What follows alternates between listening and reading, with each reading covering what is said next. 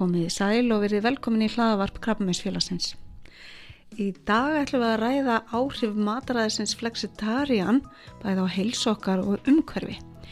Í frettablaðin í morgun byrtist greinum það hvernig þetta mataræði flexitarian stuðlar umfram aðrar matarvenjur að sjálfbærni vistkerfisins og fækkar ótímabærum döðsföllum. Jóhanna Eirum Torfadóttir næringafræðingur og sérfræðingur í forvörnum hjá Krabbameinsfélaginu og Tóra Aspelund, profesor við læknadeildina í Háskóla Íslands, skrifa greinina og halda erindi annarkvöld á lækna dögum í hörpu en Jóhanna er sest hérna hjá mér, verður velkomin. Takk fyrir. Þið taliðum í þessari grein ykkar að, að hérna, mataræði skipti máli ekki bara fyrir okkur, heldur bara líka fyrir jörðin okkar. Er það reyndin? Já, það er nefnilega búið að gera útreikninga og það er búið að skoða þetta með tilliti til allra þáttar sem skipta máli við matvala framlegslu þannig að það eru raun og veru hérna hópur vísindamanna búin að vera núni þrjú ár að reikna þetta út, reikna út einmitt losun hérna gróðrúsloftegunda og líka búin að reikna út hvað áhrif hefur þetta á, á ótíma bæri döðsfell í heiminum. Og þetta fer saman. Þessi, þessi bæði það að minga losun gróðrúsloftegunda og bæta hilsu manna í heiminum. Mm. Þannig að þetta er bara samfélagsmál um leið og þetta er heilsufarsmál. Já, það er, hérna, þetta er alveg ný nálgun, þetta er ekki eitthvað sem eru kannski oft eh, mikið hugsað um hérna undarfærin ár, sérstaklega það sem ég kem á nærikafræðinni, þá hefur við alltaf verið að einblýna á bara matinn fyrir heilsu fólks. Við hefum aldrei hugsað um jörðina í því samhengi, þannig að þetta er alveg nýtt að horfa á þetta svona í miklu stærra samhengi og við vitum að hérna, fólk vill uh, að vill oft gera breytingar á mataræði að vantar eitthvað svona auka dræf til þess að gera þessar breytingar. Og við sjáum svolítið tækifæriði núna já, það er þessi umræða það er að breytast hérna allt í heiminum. Hvað getur við gert? Og allir vilja auðvitað leggja eitthvað á mörgum. Þannig að við sjáum þarna flott tækifæri bæði að minka líkur á sjúkdómum og gera eitthvað gott fyrir jörðina Mm -hmm. En þegar kemur á ótíma bærum döðsföllum, hvað er það þá í mataræðinu sem skiptir máli? Þetta eru nokkri þættir, en hérna það er meiri sér þannig að það er eiginlega búið að sjá það að það sem við erum ekki að borða, það er eiginlega verra fyrir okkur. Þannig að við vitum að til dæmis að vera ekki að borða heilkornavörur, það er mjög slæmt fyrir heilsun okkar.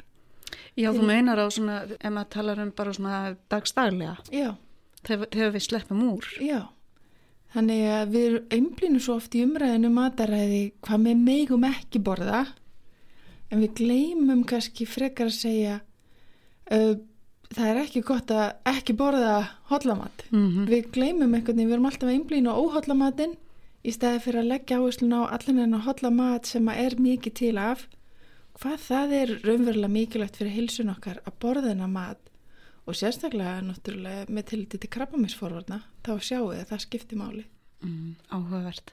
Þannig að það skiptir meira máli að borða reglulega hollanmant heldur en að öðru hverju að borða óhollanmant. Já, það er raun og það sem maður er að segja og við höfum náttúrulega bara samfélagið hefur svolítið verið að spila með þetta alla á þessu samvinskupiti en í raun og veru myndi ég segja að nærikafræðingar hafa ekki tekið þátt í því það er í raun og veru einhverjar aðri síðapostular sem hafa verið þar að verki. Þannig að maður segir alltaf og ég er bara sjálfa algjörlega verið með það nálgun bæði í mínu persónulega lífi og líka þegar ég held fyrirlestur og næringu að það er þessi grunnu sem skiptir miklu meira máli eldur en þetta litla sem við erum kannski sjúska með af og til. Það, er, mm. það skiptir miklu máli að heildina lítið. Nákvæmlega.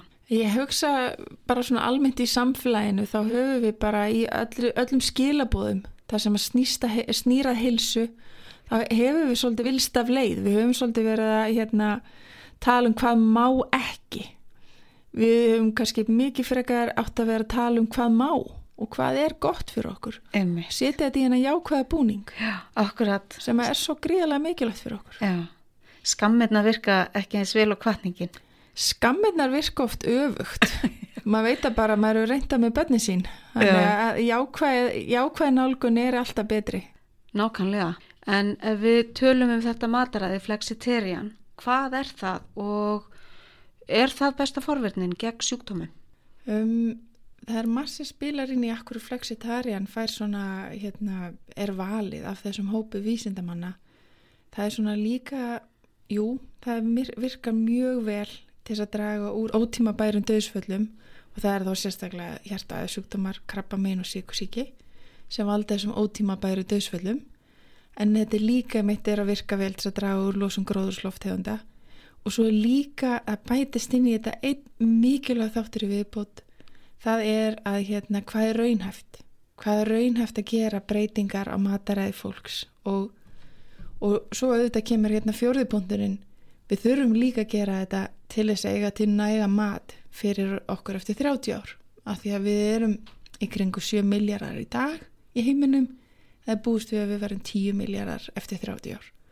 Þannig við þurfum að nýta landsfæði vel og gera sjálfbært til þess að við getum átt næga mat fyrir alla.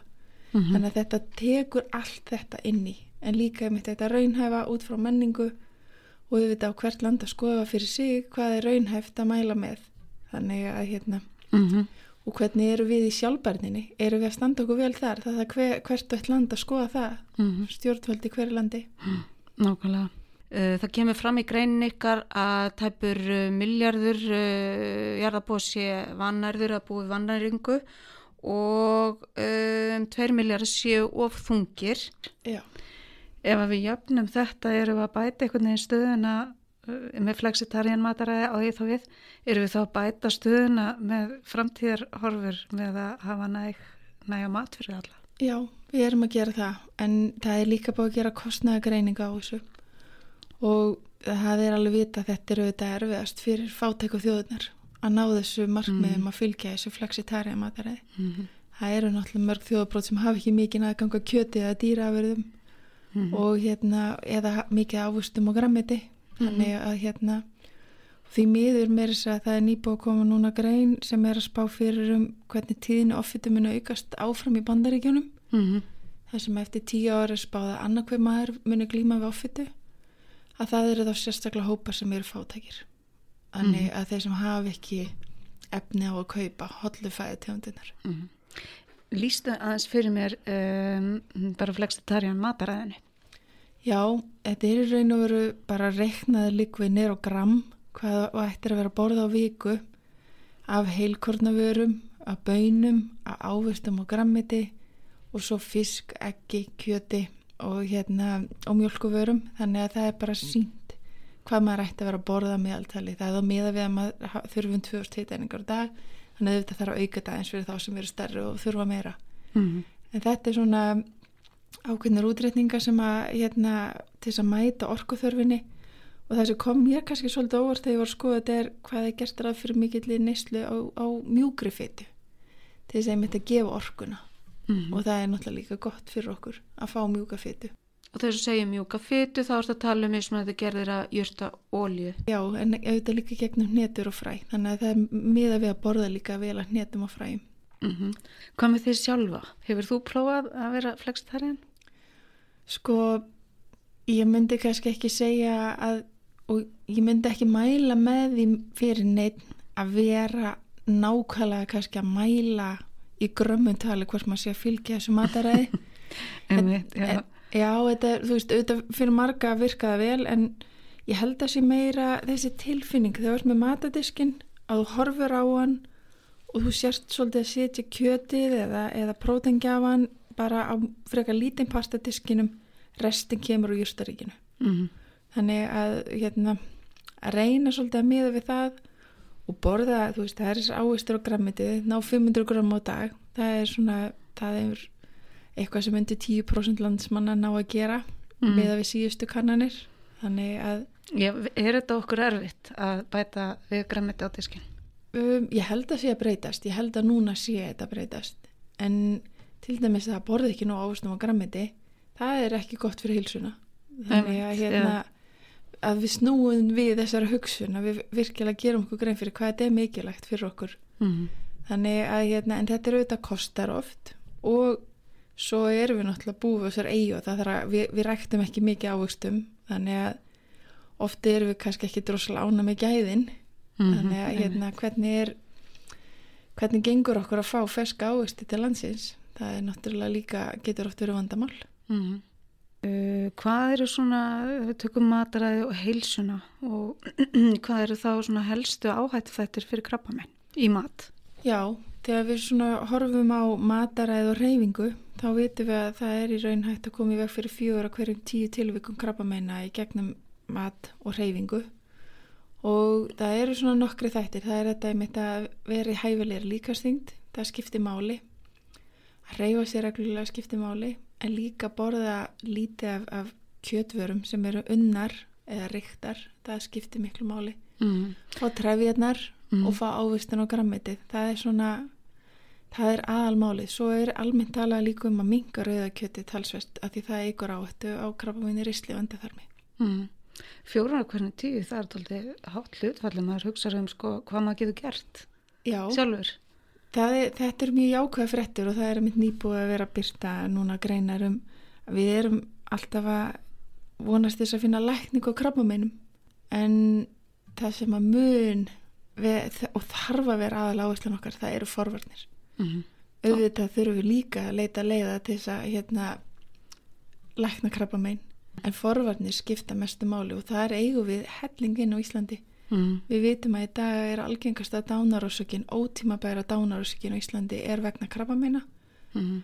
og það hefur hérna, það hefur verið þannig síðustu svona 20 árin Mm. þannig að það hefur ekki, við höfum ekki geta uh, minga það Mm. eins og kannski við ættum að geta gert þannig að hérna ég held að þetta sé áskorum framtíðuna til, bara fyrir heilbríðskerfið okkar og við erum að eldast með þjóð og við erum að fjölga við þurfum virkilega að setja meiri forvarnir og eitt, eitt dæmi um góða forvarn sem hefur sínt sig að virka í öðrum löndum það er að leggja á hana svo kallega sigurskatt Mm. á vöru sem innhalda mikið sigur og á mótið á niðugreið að verða ávustum og grammiti Mm.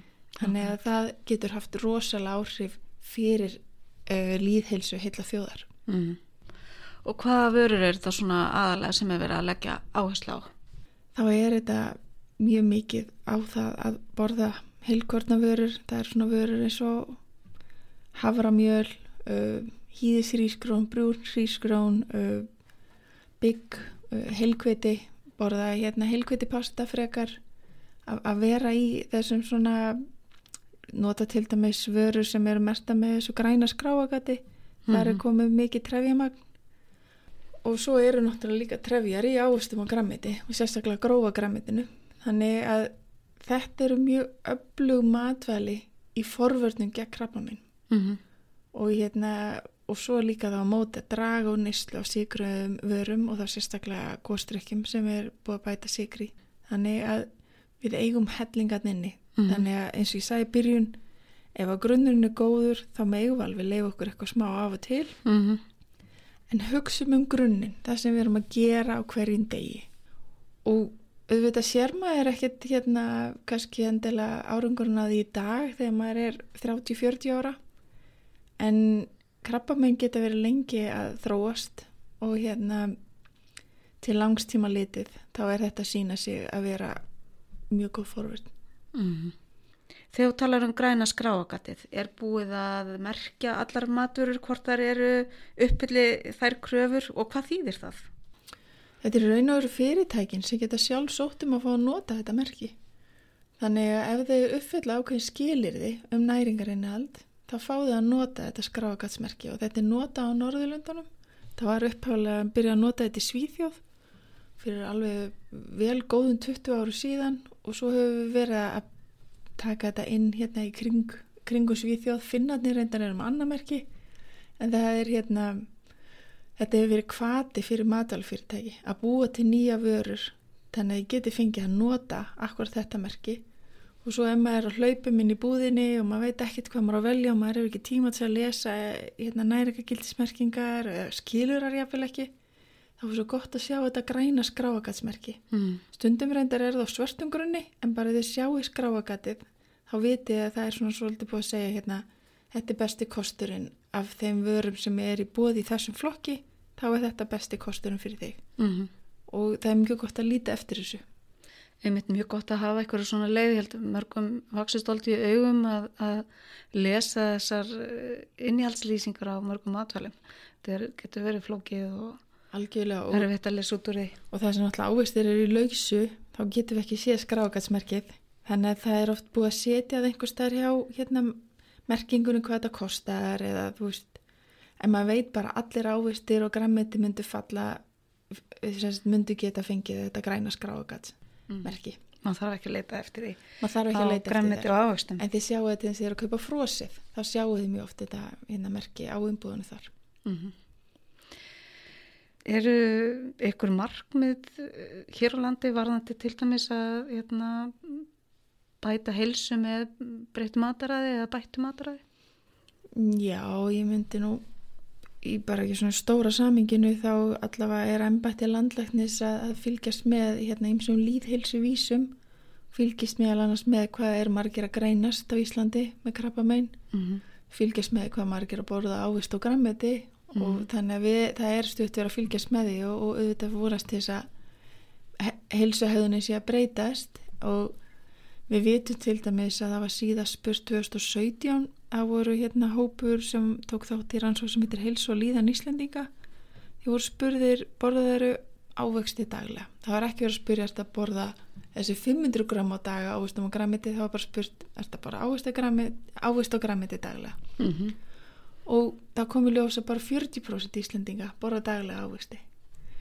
Þannig að við eigum svolítið langt í land með að ná því markmið allavega að koma yfir að vera daglega á, matselinum í það að fara síðan í að borða eitthvað magnaði. Akkurát, já. þannig, en það spilar auðvitað inn í líka aðgengi að sé góð gæði og þetta sé ekki rosalega dýrt. Já, þið Tór skrifið þessa grein saman, Tóra Aspelund uh, og þið eru einmitt með uh, erindi á læknadögum á morgun, ekki satt? Jú, það er einmitt, það er opið fyrir almenning í hörpunni annað kvöld eða miðvikudaginn 22. janúar og það byrja klukkan 8 um kvöldið og hérna það kostar ekkert og allir velkomnir og við ætlum að segja miklu betur frá þessum útreikningum, hvað líkur á bakviða, uh, hvaða fleiri fæði minnstur voru könnuð, hvernig komu þau út og svona einmitt hvernig kemur þetta sama við bara þær ráðleikingar sem eru í gangi núna á Íslandi um mataræði, fellur þetta flexitarjan vel að því, hvað er munurinn? Þannig að við munum svona útskýra það eins betur og líka bara fara aðeins yfir tölfræðina ekki tengslu við sjúkdóm í Íslandi hvaða árangur, hvað hefur að breytast og hvað er eitthvað sem við eigum helling inni að gera. Þannig að við ætlum svona reyna setja þetta í svona svolítið stórt samhengi og auðvitað vonandi bara hvetja þá fólk og, og gefa fólki eitthvað svona tæki til þess að hugsa hvað það getur mögulega gert sjálft Mm -hmm. og hérna, já, þetta verður allt bara svona á jákvæðum nótum við hérna það, ég held að sé orðið alveg úrreld að segja við verðum að gera svona hitt það verður hver auðvitað að finna hvað hendar honum best Mm Nákvæmlega. Það er bara mjög góður endapunktur hjá okkur. Kærar þakkir fyrir kominu hjá hana og gangi ykkur vera morgun. Takk fyrir.